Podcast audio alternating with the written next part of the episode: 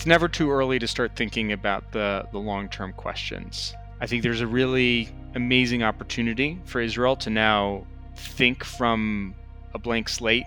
Everything is possible. The previous strategy, if there was one, the previous strategy was totally wrong.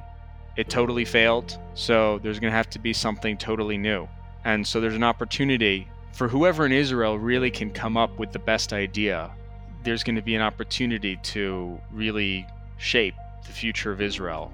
I think there's a strong understanding in Israel that the previous concepts and strategies were totally wrong. So the question is who is going to who's going to show up? Who's going to show up and offer an alternative and something that's actually hopefully going to be better?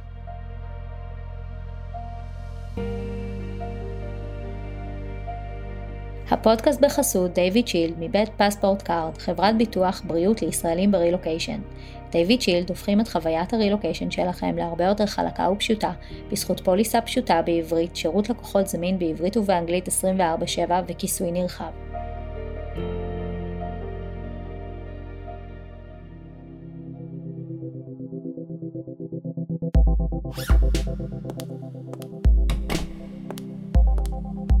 מסע הרילוקיישן יכול להיות עמוס באתגרים, אין ספור חוויות והתמודדויות.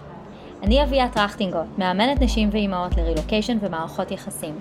אימא לארבע עולמות, נשואה לאבי וגרה בדאלאס טקסס שבארצות הברית.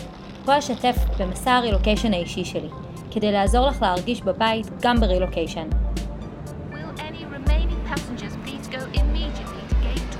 כי רילוקיישן זה בלב.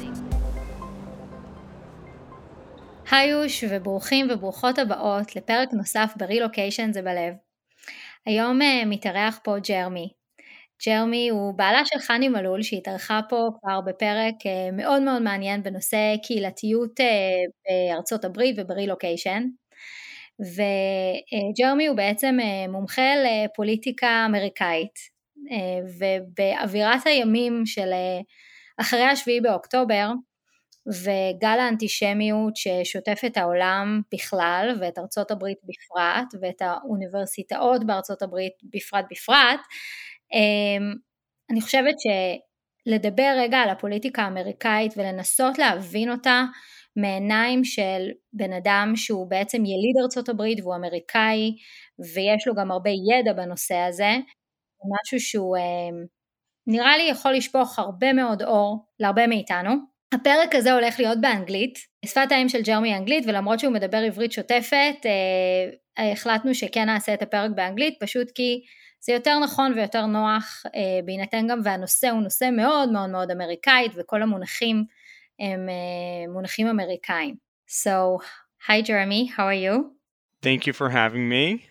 I'm excited for this conversation. Me too. So, first, I will appreciate if you can briefly introduce yourself, give us a little background about where you have all this knowledge about the American politics. Then we will dive in. Sounds good. And I also just want to say I know that we're doing this in English, but you should know that even when I speak in English, I speak pretty slowly. So, if you were hoping that I would speak quicker in English than no, no, Hebrew. no, no expectation as those. I'm just like I want it to be as fluent as possible. So you can be slow. It's fine. Sounds good. Well, I'm excited to have this conversation. It's a it's coming at a really important time. My background in summary is that I'm someone who thinks about culture and politics a lot.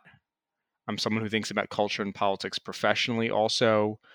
I spend a lot of time analyzing US politics, often from a cultural point of view. I also do a lot of work on international geopolitics and international strategic questions based on culture and politics. So I'm excited to have this conversation and answer questions you may have about US culture and how that affects US politics. So one thing that I realized, and I maybe I can even say that I've learned in the past, even not seven weeks, like I feel like the the this anti-Semitism wave, if I can call it like that, didn't start on October 7th. It started a little bit, just like, I don't know, an inch after.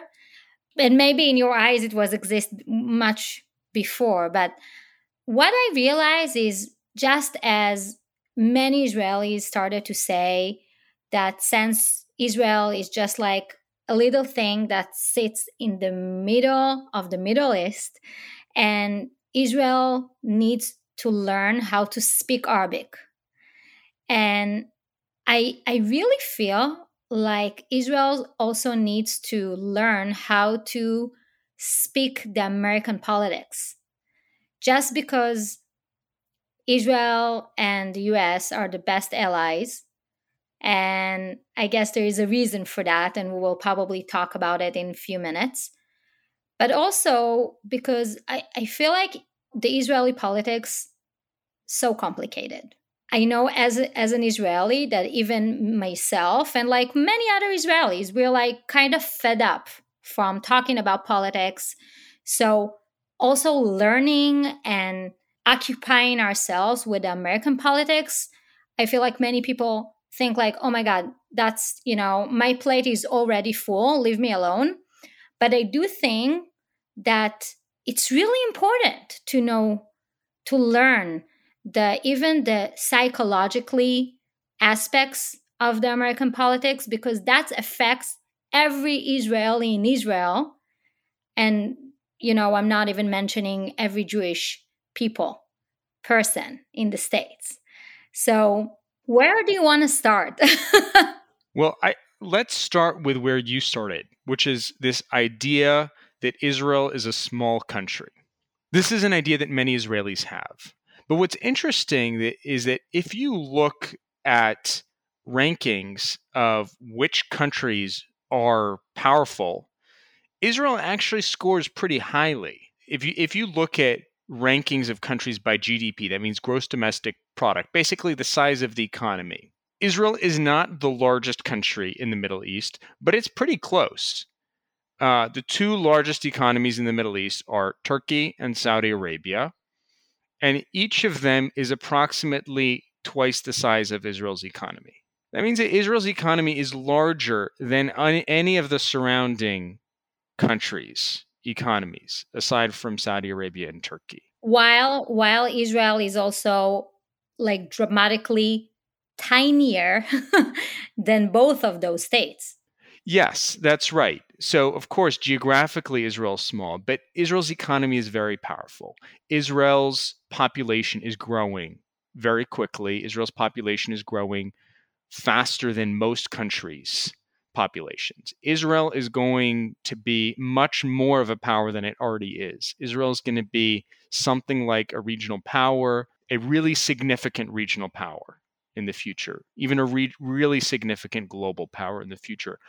But the Israeli mindset is not the mindset of a powerful country. If you look at rankings of military powers globally, it's a little bit harder to define which militaries are more powerful. But I think most people around the world would probably say that Israel has one of the more sophisticated militaries in the world, one of the more powerful militaries in the world. At least that's what people thought before October 7th.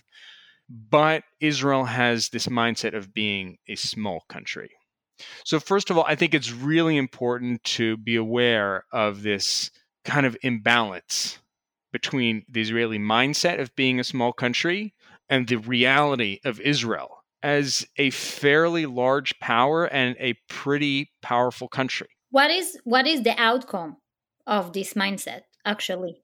The outcome is that Israel is a country with a lot of power, but Israel is a country that behaves like a country that doesn't have very much power. Israel behaves like a small country. Like need people to help her or like how I'm trying to understand how this behavior looks like. Let's answer your question by looking at the history of Israel. And this will also help us understand American views towards Israel. When Israel was founded, it was basically a giant refugee camp in the Middle East. Okay? You had a bunch of poor people from Europe and poor people from North Africa and the Middle East, Jewish immigrants, sort of like a giant refugee camp. And then if you look at Israel in the 50s and the 60s and 70s, what was Israel known for? Israel was known for oranges, Jaffa oranges. Um, a lot of the mindset of Israel, I think, comes from those years where Israel was really a very weak country and for many years, Israel was truly dependent on American support, on American aid. And what happened was, over the course of several decades, Israel grew into an incredibly impressive country, a very powerful country. But in some way, the mindset remained the mindset of a small country that's well known for exporting oranges. It's this mindset of needing other countries' help, needing other countries' support. It's a mindset of need. It's a mindset of really caring what other countries think. Israel is probably the country in the world that pays the most attention to what other countries think of it. I'm not saying this to exaggerate.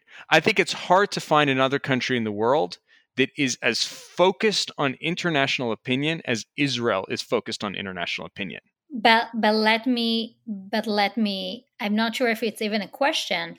Israel also being affected what other people what other countries think. So I'm not sure it's like, you know, it's like the chicken and the, the egg syndrome. What came first? But Israel literally is very tiny, and yet people are busy, busy with Israel, and especially especially now. But I feel like it's it's all the time. Especially, listen, we will get to the part about talking about the Ivy leagues and and the, the American univer- universities, but listen, I don't know any other country, or maybe I, am you know, I'm not um, well educated or educated enough that is so busy about Israel all the time. Like I feel like the world is busy with Israel. It's like it's a thing. It's like an issue to to messes with Israel all the time. Yes, I think that it's it's it's an important point. It's probably a deeper question than than we can answer. Is is it that Israel behaves like a weak country because it is a target, or is Israel a target because it behaves like a weak country? There's a ch- kind of chicken and egg problem where it's possible that Israel attracts a lot of attention, again, because it's behaving like a country from 50 years ago that's exporting oranges. I think an interesting point of contrast is Taiwan. Taiwan is fairly similar to Israel Taiwan is a country that is actually politically much more isolated than Israel. Taiwan is a, is I shouldn't even say a country. It's not clear whether it's a country or not. It's a debate whether it's a country or not. Um, but Taiwan is its status is under existential threat.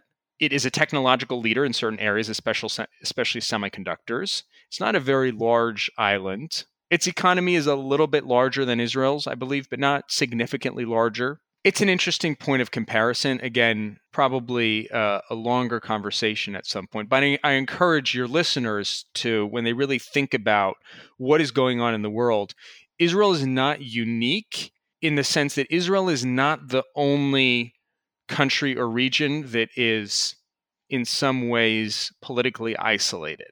And there are actually some countries that have been very successful despite being politically isolated and despite having an existential threat around them. And Taiwan's a very interesting example. I think the early history of Singapore is another example. Singapore has Singapore has been incredibly successful. It was under existential threat for many, many years. The broader point is to understand American views toward Israel I think it's just important to understand the history of Israel as a as a weak country that became powerful. And Israelis often forget that they're a weak country that is actually powerful today.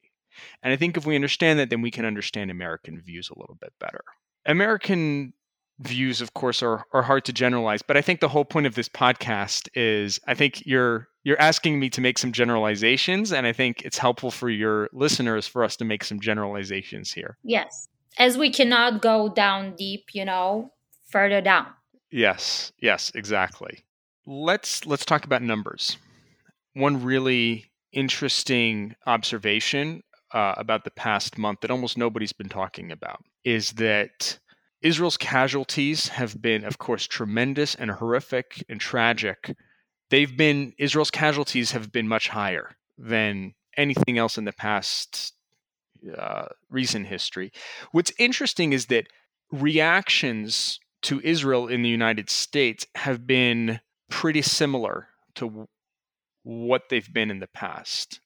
In other words, let's say October 7th happened, and instead of 1,400 Israelis being killed, let's say 14 were killed. And let's say instead of 240 or 50 captured, let's say there were two or three kidnapped. The reactions would, would have been pretty similar. Those who support Israel would have supported Israel, and those who criticized Israel and blamed Israel would have blamed Israel. The point is, if you add zeros, it doesn't really change people's reaction. And that's in general. I, I think the history of the past two months shows that if you add basically two zeros to the end of all the numbers, people's attitudes don't really change. Right. And I think what's concerning is that uh, if if uh, God forbid there is something worse that happens and there's still another zero that's added, and instead of 1,400 Israelis killed, it's 14,000, or God forbid, 140,000, the reactions will be the same. Wow. The reactions will be the same. Those who support Israel will support Israel. Those who blame Israel will blame Israel. Okay. The numbers don't really change the attitudes. That's that's very interesting. I think that this is something that can be a little bit provocative in the Israeli context because over the past 10 years I've had many conversations in Israel with people about Israel's policy towards its neighbors. Why doesn't Israel do this? Why doesn't Israel do that? You know, if the United States had an enemy right next door, the United States would destroy it. And the response often is, well, we can't do that. We it's can't exactly do the, re- the, the, the response. Exactly. Yeah, but Israel cannot do that. Israel is not United States. Exactly. It's the mindset of a small country that produces oranges. It's not the mindset of a major power. I feel like people in Israel, uh, as an Israeli, I can tell you that they think that size does matter. like, I feel like they think, like, because Israel is so crazy, tiny, this is like, I, I, I feel like that has a big impact of this attitude, I will say. Well, I, I think a lot of it is psychological. And so the reason why I'm saying this is that I think certain people in Israel would say, well, certain policies are impossible. Certain responses are impossible because we're going to lose support. We're going to lose American support. First of all, again, there's this mindset of needing other countries' support. There's this mindset of needing other countries' approval for certain things. But even if we accept that mindset, what's interesting is the past two months have shown that if the numbers change, the reactions don't really change. You know, if Hamas had killed, God forbid, twice as many Israelis, or if they'd killed half as many Israelis, if the IDF had dropped twice as many bombs on Gaza or half as many bombs on Gaza, the reactions would have been exactly the same. So I, I know that we're a little bit uh, we're digressing or not we're not really getting to your main question but i think it's really important for your listeners to understand is, that these cultures are these cultures are not quantitative. They're not about the numbers. They're not about the numbers killed or captured or anything. They're about people's basic cultural attitudes and the numbers don't change that. And what is that? So let's get into that Yes. Let's get into that. Where would you like to start? This is a big question. so first i feel like even like the basic basic things about like two sides to the map you know in israel there is like yamin and small how it goes in america like republic like let's talk about it a little bit just like you know the Yes. basic basic stuff that i i know that many israelis don't know Yeah, great. That's a very good starting point. So, just the way Israel has left and right, the United States has left and right, with Democrats on the left and Republicans on the right. Just the way Israel has different flavors of left and different flavors of right, the United States has different flavors also. biden is I think the way to understand the left in the United States today, it's mostly about age. The most important thing to know about Biden is that Biden is is an older man. Democrats of his generation and his age tend to have a lot of respect for Israel. They tend to have a lot of respect for Israel as a country that grew, a country that overcame a lot of challenges, and there's a very strong emotional relationship in many cases. These are people who grew up with the stories of Israel's survival in the 50s and 60s and 70s. And so, and I think for many of them, you know, they wouldn't say this, but subconsciously, their view of Israel is really the country that produces oranges and that needs help. And so there is often a lot of willingness to provide that kind of help. And there's this not just willingness, but this expectation that America's role is to be the kind of big brother protecting Israel. I think that this applies to older Americans on both parties, uh, in both parties to some degree. I think once you get to younger people who grew up with hearing about Startup Nation, about Israel's tech sector, about Israel as a military power, I think their views on Israel are different, both on the right and on the left. And I think both on the right and on the left, there's an interest in reducing Israel's dependence on the United States. On the left, there's a lot of criticism uh, for Israel, and there's a lot of sympathy with uh, the Palestinian movement, including Hamas. There's a lot. Uh, there's a lot to say about that. On the right, uh, there's an emerging view, especially among younger younger people on the right, that Israel's really strong enough to take care of itself. And uh, why does the United States need to be sending money over? You know, from a, from an American point of view, why does an Amer- why does the United States need to be sending money over to support a country that is actually quite powerful and quite capable? Uh, this is not really from an anti-Israel perspective, but from a perspective of wanting Israel to just do what it needs to do. So like in case in terms of like even stop murdering Israel. Don't be like a helicopter parent to Israel. This kind of Yeah, I think if you were to speak to a, a younger Republican, they would probably say yes. The United States doesn't need to be a helicopter parent. Israel's a, a, a big boy, it can take care of itself and let them do what they need to do honestly, do you think that Israel can take care, like, can manage by herself? I'm not sure. I think warfare is primarily psychological. And uh, I, I have no doubt that Israel has a lot of technical capabilities. I think the question is psychologically is Israel able or willing to behave like a powerful country that other people are going to want to stay away from? It's a, a lot of it's the mindset. Um, it's it's hard it's, it's it's hard to do that. But let's let's talk more about. I'm not an expert in Israel, so I my opinions don't really matter very much. But but let's talk about the United States. We've been talking we've been talking about left and right. You've been asking me about uh, political views. Let's just talk about the typical American. It's important for your readers to understand that America is a Christian country for the most part.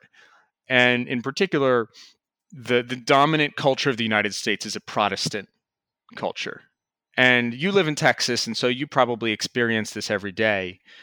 But it's probably very foreign for most Israelis. I have to say, it's a very Christian place. And I was in just like the like the, the, the following weeks after October 7th, I happened to it was an pro-Israeli rally, but only after we came, we came like an Israeli family, so clueless. Like we came and then we realized it's like some church, churches came together, bonded with some, I'm not, I think reforms, but like pro Israel's leaders in the Dallas community. The speeches that people were giving there were like really religiously, it was very religious Christian wise. Like, and then that coin, like, I had a drop. Like, I realized that, oh my God, this is such a Christian place. Yes, absolutely. I think it's very it's very important to understand that.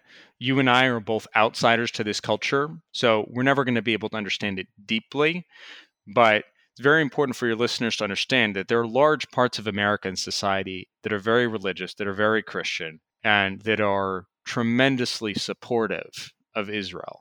And supportive not just in the sense of this kind of mothering relationship where the United States should be providing everything for Israel and protecting Israel, but also supportive of Israel in, in the sense of wanting Israel to truly succeed and be powerful and do what needs to be done. I think in many ways it's actually possible that the American electorate might be further to the right than the Israeli electorate.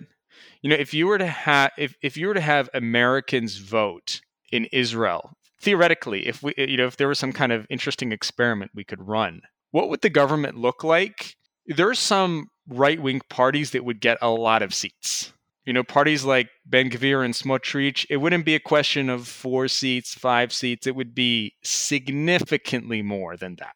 And this is something that I hear very often, and you probably hear this very often in Texas also, uh, which is, you know, why doesn't Israel just solve the problem? Why can't they just, you know, why can't they just get the job done? Yeah, yeah, get down with them. Get down with it. This is the sentence. Get down with them. They need to be done. This is exactly. like this like I'm doing with my hand. It's like, yeah. And you know, Americans really like solutions. And so they think, well, why can't Israel just find a solution, not meaning some kind of diplomatic solution, meaning a military solution and protect itself? So I think there's a very that's a very common viewpoint in the United States. That's the right of center. But let's talk about what's happening in academia. You asked about universities. There's a lot to say about universities. I have my own experiences uh, in. I have my own experiences going back now 10 to 15 years at Princeton. I'm happy to talk about that.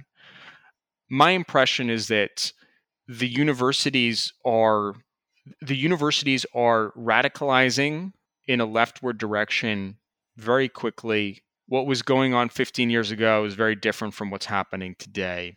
I don't think that this is because of university professors.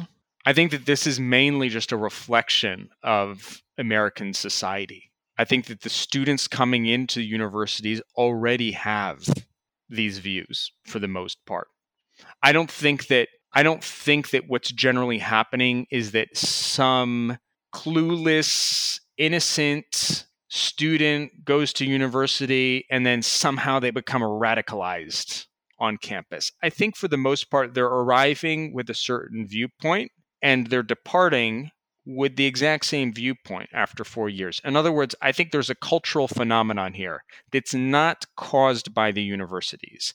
The universities are just a, a way of observing what's happening. So, wait, so then I have a question because I guess you're very aware of the fact that uh, Qatar is funding, massively funding, uh, many of the universities with money, but also with the like brainwash the students. This is something that people talks about.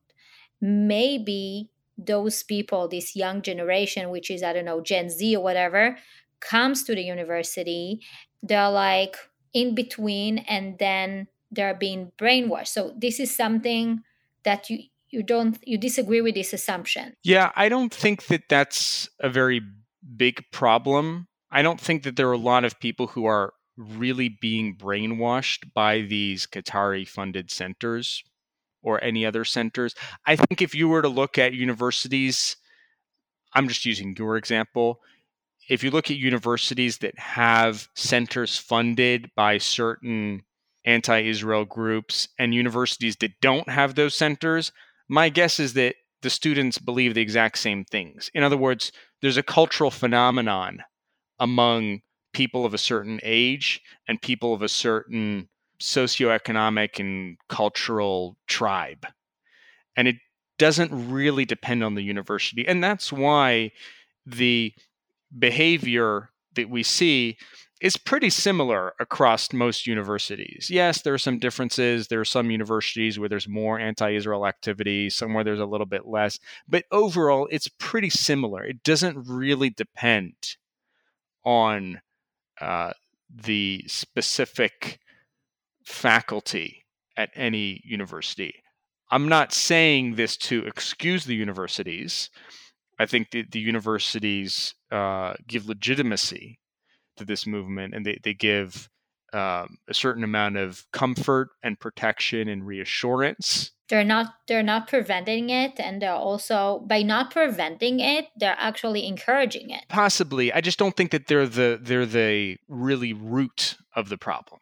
You could say they make the problem worse but the the problem starts before the students get to university. You know what i think? I think that the fact that um, university are not eliminating this phenomena is actually makes stuff even worse because you know people get to those university in order to get educated and to gain a profession and to after that to go outside and they have goals in their lives. And while the university are not saying you know what guys we're not this is not something we can do here they're actually I feel like what those students are learning from that, they're learning that okay, that's cool. We can do like you can we can be like that. I totally understand. I think I see it a little bit differently and here's why. First of all, it's important to be aware of the history, which is that universities specifically and elites generally have historically been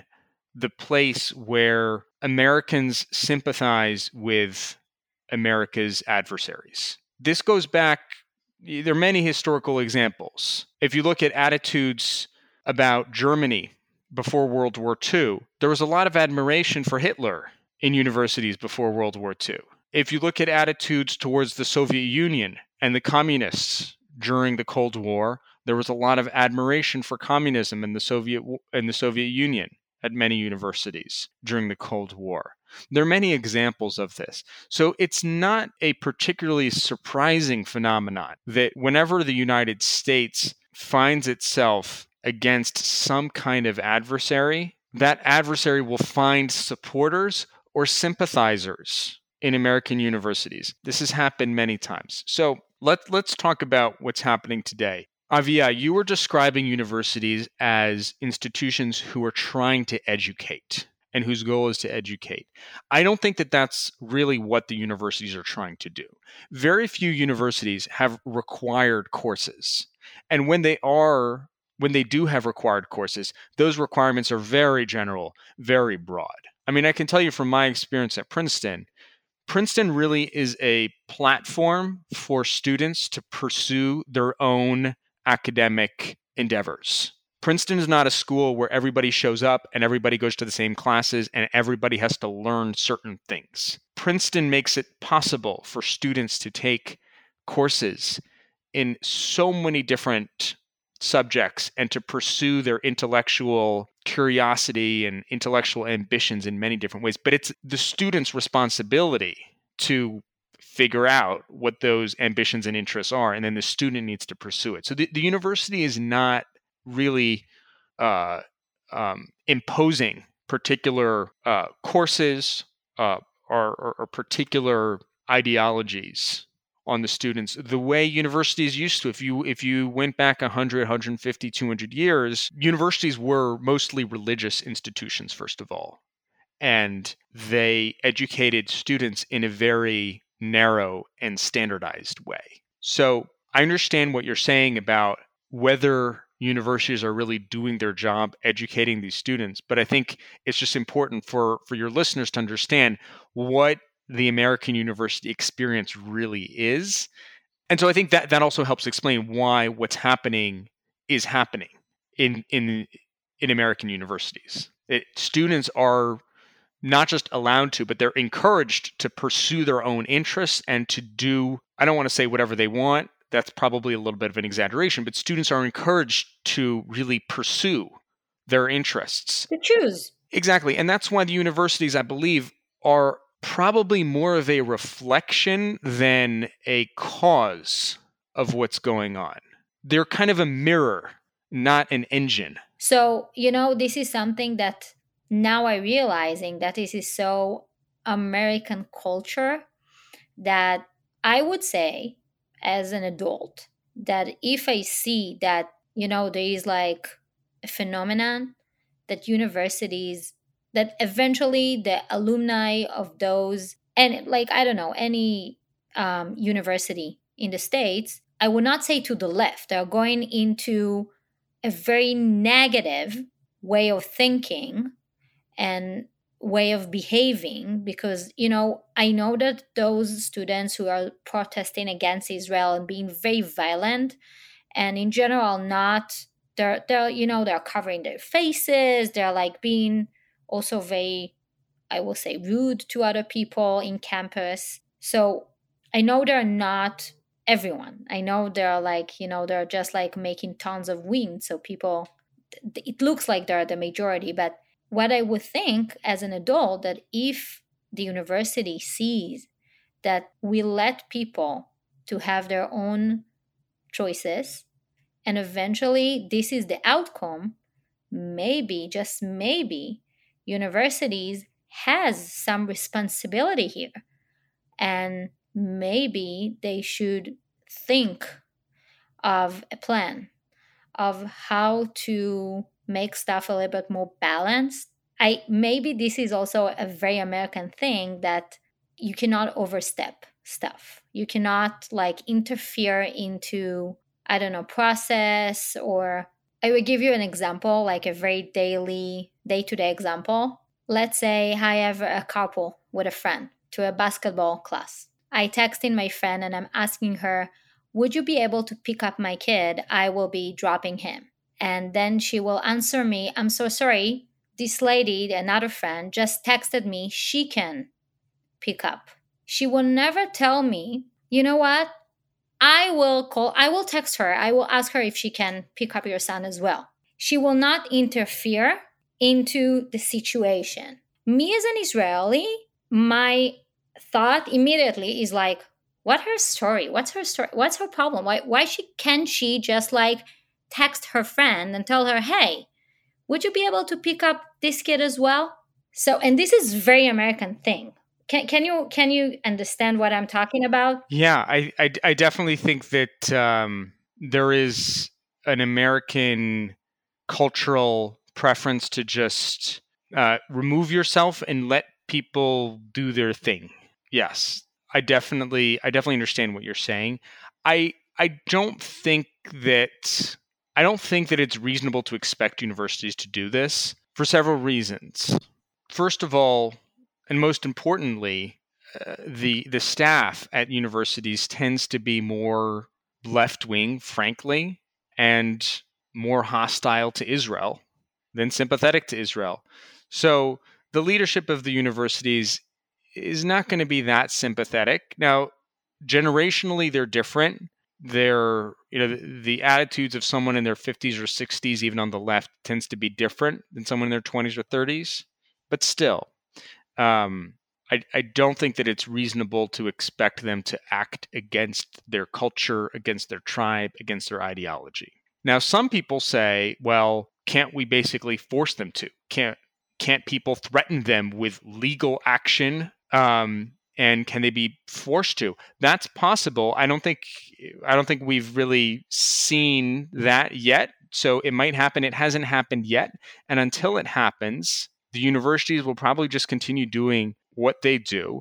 I will also add that it's very important for your audiences for your audience in israel to understand that american jews are really um, not just attracted to universities. It's it's deeper than that. They're kind of enamored with universities. It's for for the typical American Jew, the most important thing they can do is to go to a fancy university and for the, for their children to go to a fancy university. It's not the way Israelis think about whether they're going to go to Hebrew University or Technion or anywhere else. In Israel, it's kind of a detail. It's like what kind of car do you drive? In the United States, it, it, it becomes your identity if you're an American Jew and there's a whole deep reason behind that you you know going back 100 years 150 years to the history of american immigration to the united states and how it was that american jews found their way in the united states and created their own socio yeah their own path or socioeconomic um, uh, framework and their their culture. The universities are at the center of American Jewish culture in that way. And the reason why it's important for your audience to understand this is because it will be very difficult for most American Jews to give up on universities. It will be very difficult for most American Jews to say, you know what? These universities are not friends of Israel. These are not friends of the Jewish people. I'm going to send my child to somewhere else, somewhere less fancy, somewhere less prestigious. It's going to be very difficult for the typical American Jew to do that. And so these universities, uh, as long as they continue to have, as long as there isn't a significant legal threat, as long as the Jews continue to come, continue to attend, continue to donate, don't create too much legal trouble, the universities will just continue doing what they're doing. I'm I'm so overwhelmed by what you just said. Like it's more to the left, and I get that, and I get that also. There's like freedom of speech is kind some kind of religion. This is very important for your audiences to understand. So American Jews love the legal system. There are a lot of lawyers in the United States. And and being a lawyer in the United States is not like being a lawyer in Israel. There are all these jokes about Jewish lawyers and stereotypes about Jewish lawyers. There are a lot of lawyers in the Jewish community. The reason why this is important to understand is that many American Jews' instinct is going to be not a moral question of what should the universities be doing from a moral point of view. Their instinct will be to think, well, what is legally okay? What is legally okay? Freedom of speech. What are our legal rights? And so I see this, I, have seen this a lot in the past six or seven weeks. You know, in various group chats that I'm in, on social media, hearing people talk. The question that many people have is well, let's say there's going to be pro Palestinian, pro Hamas protests nearby.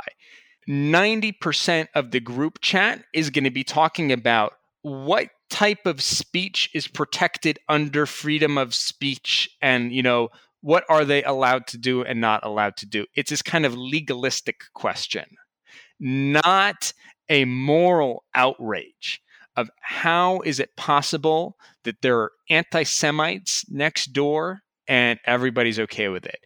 People think about it in terms of legal rights. Wow, this, you know what? I feel like this leads me to the basically the question that we started the, this episode with the psychologically differences between how Israeli people thinks and what is the concept of everything. I think I feel like it can be economically, it can be morality, it can be legally, vice versa, the way of American people think. The fact that, you know, I feel like the assumption is, you know, okay, so there is a protest. The protest is okay because, you know, freedom of speech. What in this protest will meet the borders of legal and illegal stuff? This is the question the Israeli person will ask, How come there is a protest? Like, this is not legit that there is a po- protest. Like, the Israeli will look at it as a one thing. Would never think about is it legal, illegal. We'll think about why the university let those people even to protest and to be violent and to do da da da da da to Jewish students in campuses. I, I, I guess that as an American, for you, it's so clear for me just like wait what? Yeah it's uh it's it's definitely a very very important difference between american culture and israeli culture. I think it's it's interesting to think about what might happen in the future. If you look at american if you look at american judaism there are basically two categories. There are american jews who are part of american culture and there are american jews who have separated themselves from american culture and created their, their own institution and these are people that uh, in Israel would be called Haredim. And there are hundreds of thousands of them in the United States. And they live in places like Brooklyn and Lakewood and Monsey and other places. And uh, I think from their point of view, They their strategy is they create their own institutions, their own schools. They're not dependent on the American university system, uh, and they can be successful in an independent way.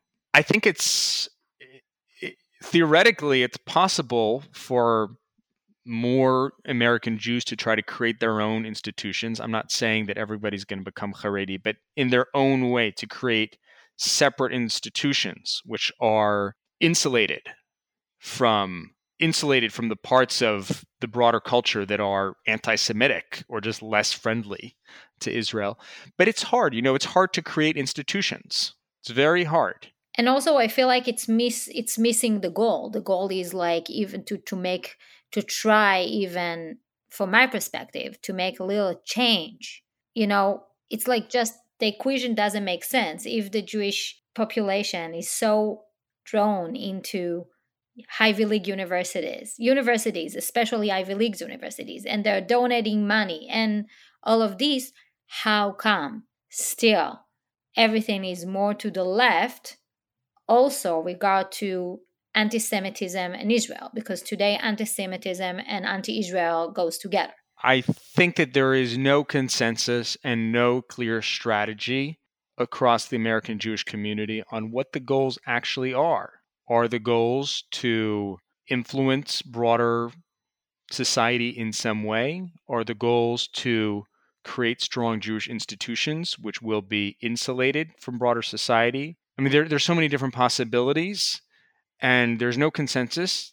There's no clear there. There's no, frankly, I would say there's no clear vision, except except in the Haredi community, they have a very clear strategy, which is they are going to be independent and they will make sure that they can be successful in an independent way. But I think in the rest of the American Jewish worlds, there is confusion, there's lack of clarity, there's lack of amb- there, there's ambiguity what the goals really are. And so what ends up happening is that people kind of avoid talking about what the goals are. And they end up just talking about general things that everybody can agree on. Everybody can agree on support Israel. Well, what does that mean? Hard to say. Everybody can agree that we don't like anti Semitism. So people talk about these general things that everybody agrees and that are very reasonable, but they don't they don't address these deeper questions about what really is the role of the Jewish people in the United States? What should the strategy be for the Jewish people? And that's very that's a very similar uh, set of questions uh, when you look at what Israel is confronting for Israel also. There are questions. What what what is Israel's what should Israel's strategy be? Should Israel's strategy be to try to win more friends internationally? Or should Israel's strategy be to try to protect itself and insulate itself and become independent of what other countries do? It's not a simple it's not a simple answer. Um, but I think there are very clear similarities between the strategic questions that Israel faces and the strategic questions that uh, American Judaism faces. And I would also go so as so far as to say, as just as major Jewish institutions in the United States have not provided a clear answer on what their strategy is, Israel also doesn't have a clear strategy on what really what, what is what is the vision for Israel in 50 years. I don't think any Israeli leader on the right, on the left, or anywhere in the middle, any of the flavors, I don't think any of them really has provided a very clear vision of what Israel can be in the future and how they're going to get there. Instead, it's very, very short term, very kind of tactical. You know, are we going to build the wall here? Or are we going to build it there? Are we going to have 1,000 permits or 10,000 permits? It's just like super, super near term, short term questions. This is how it feels. We just need to be okay. It's been survival mode for many, many, many years, I guess. Um, I don't think that it's just survival mode. I'm not sh- I'm not saying that Israel is unique. I think most countries probably don't have a very clear understanding of where they're trying to go. Most countries just kind of float along and they just like momentum kind of takes them places. Um, but probably the most successful countries actually have a plan and actually have some kind of vision. And the vision is not six months from now. The vision is, you know, a big vision. I feel like Israel's situation and Israel situation as for now is like, okay, let me just finish that thing. let me just like, you know, we we got into a situation here. Let me just like close it up so I can move on. This is how me as an Israeli, this is how I, I feel. Like this is the the impression that I get from, you know, it's just like, okay, so we have a mission now to bring everyone home. We have a mission now to make sure nothing like that will happen again. We have a mission now to finish Hamas with whatever that means. And that's it. And like no one knows exactly what will happen the day after, uh, when the day after will come. It can be years of work. It's never too early to start thinking about the, the long term questions. I think there's a really amazing opportunity for Israel to now think from a blank slate.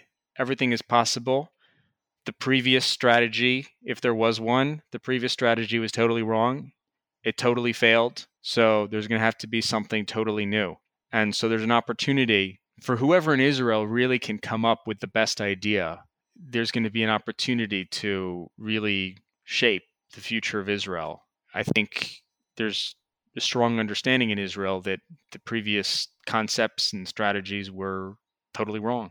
So the question is who is going to who's going to show up who's going to show up and offer an alternative and something that's actually hopefully going to be better. And I think that with this question, we will wrap it up. It's been, I feel like we covered so much. Uh, and I feel like there's so much more. so, as for now, thank you so much, Jeremy, for your time and for your knowledge, for sharing with us your knowledge. I really appreciate that. Great. Well, it's been my pleasure. And um, I do want to make sure that I can hijack your audience's attention span for approximately 30 minutes because I believe that it's our responsibility to not just speak about the Jewish people and about Israel, but it's also a responsibility to help our audience understand how this connects to the Torah and to our people's ancient origins and I will keep it very short, but we are currently reading the Parshiot in Sefer Bereshit that deal with the early origins of our people. Mm-hmm. In particular, the Parshiot of Vayetze and Vayishlach deal with uh, some of the early challenges of the Jewish people and the emergence of the Jewish people, of Yaakov Yaakov's relationship with Esav, and then Yaakov's relationship with Lavan. The Jewish people has a history of very difficult relationships with not only our neighbors but also our relatives, mm-hmm. as in the case of uh, what we read about in these parshiot. So this is nothing new. We've been through many wars before. We've been through many difficult times before, and I just encourage the audience here to read through some of those uh, passages, and I think that they'll find that the present day is actually not so different, even though we're 3,800 years yes later. A lot actually is very similar. Yeah. Yeah, yeah. I can also say that like back then in the the Noach, Parashat Noach, people were talking about stuff were like lining up with everything that happened in October 7th. So yeah definitely and thank you for for this this is an important insight um, so thank you again jeremy thanks so much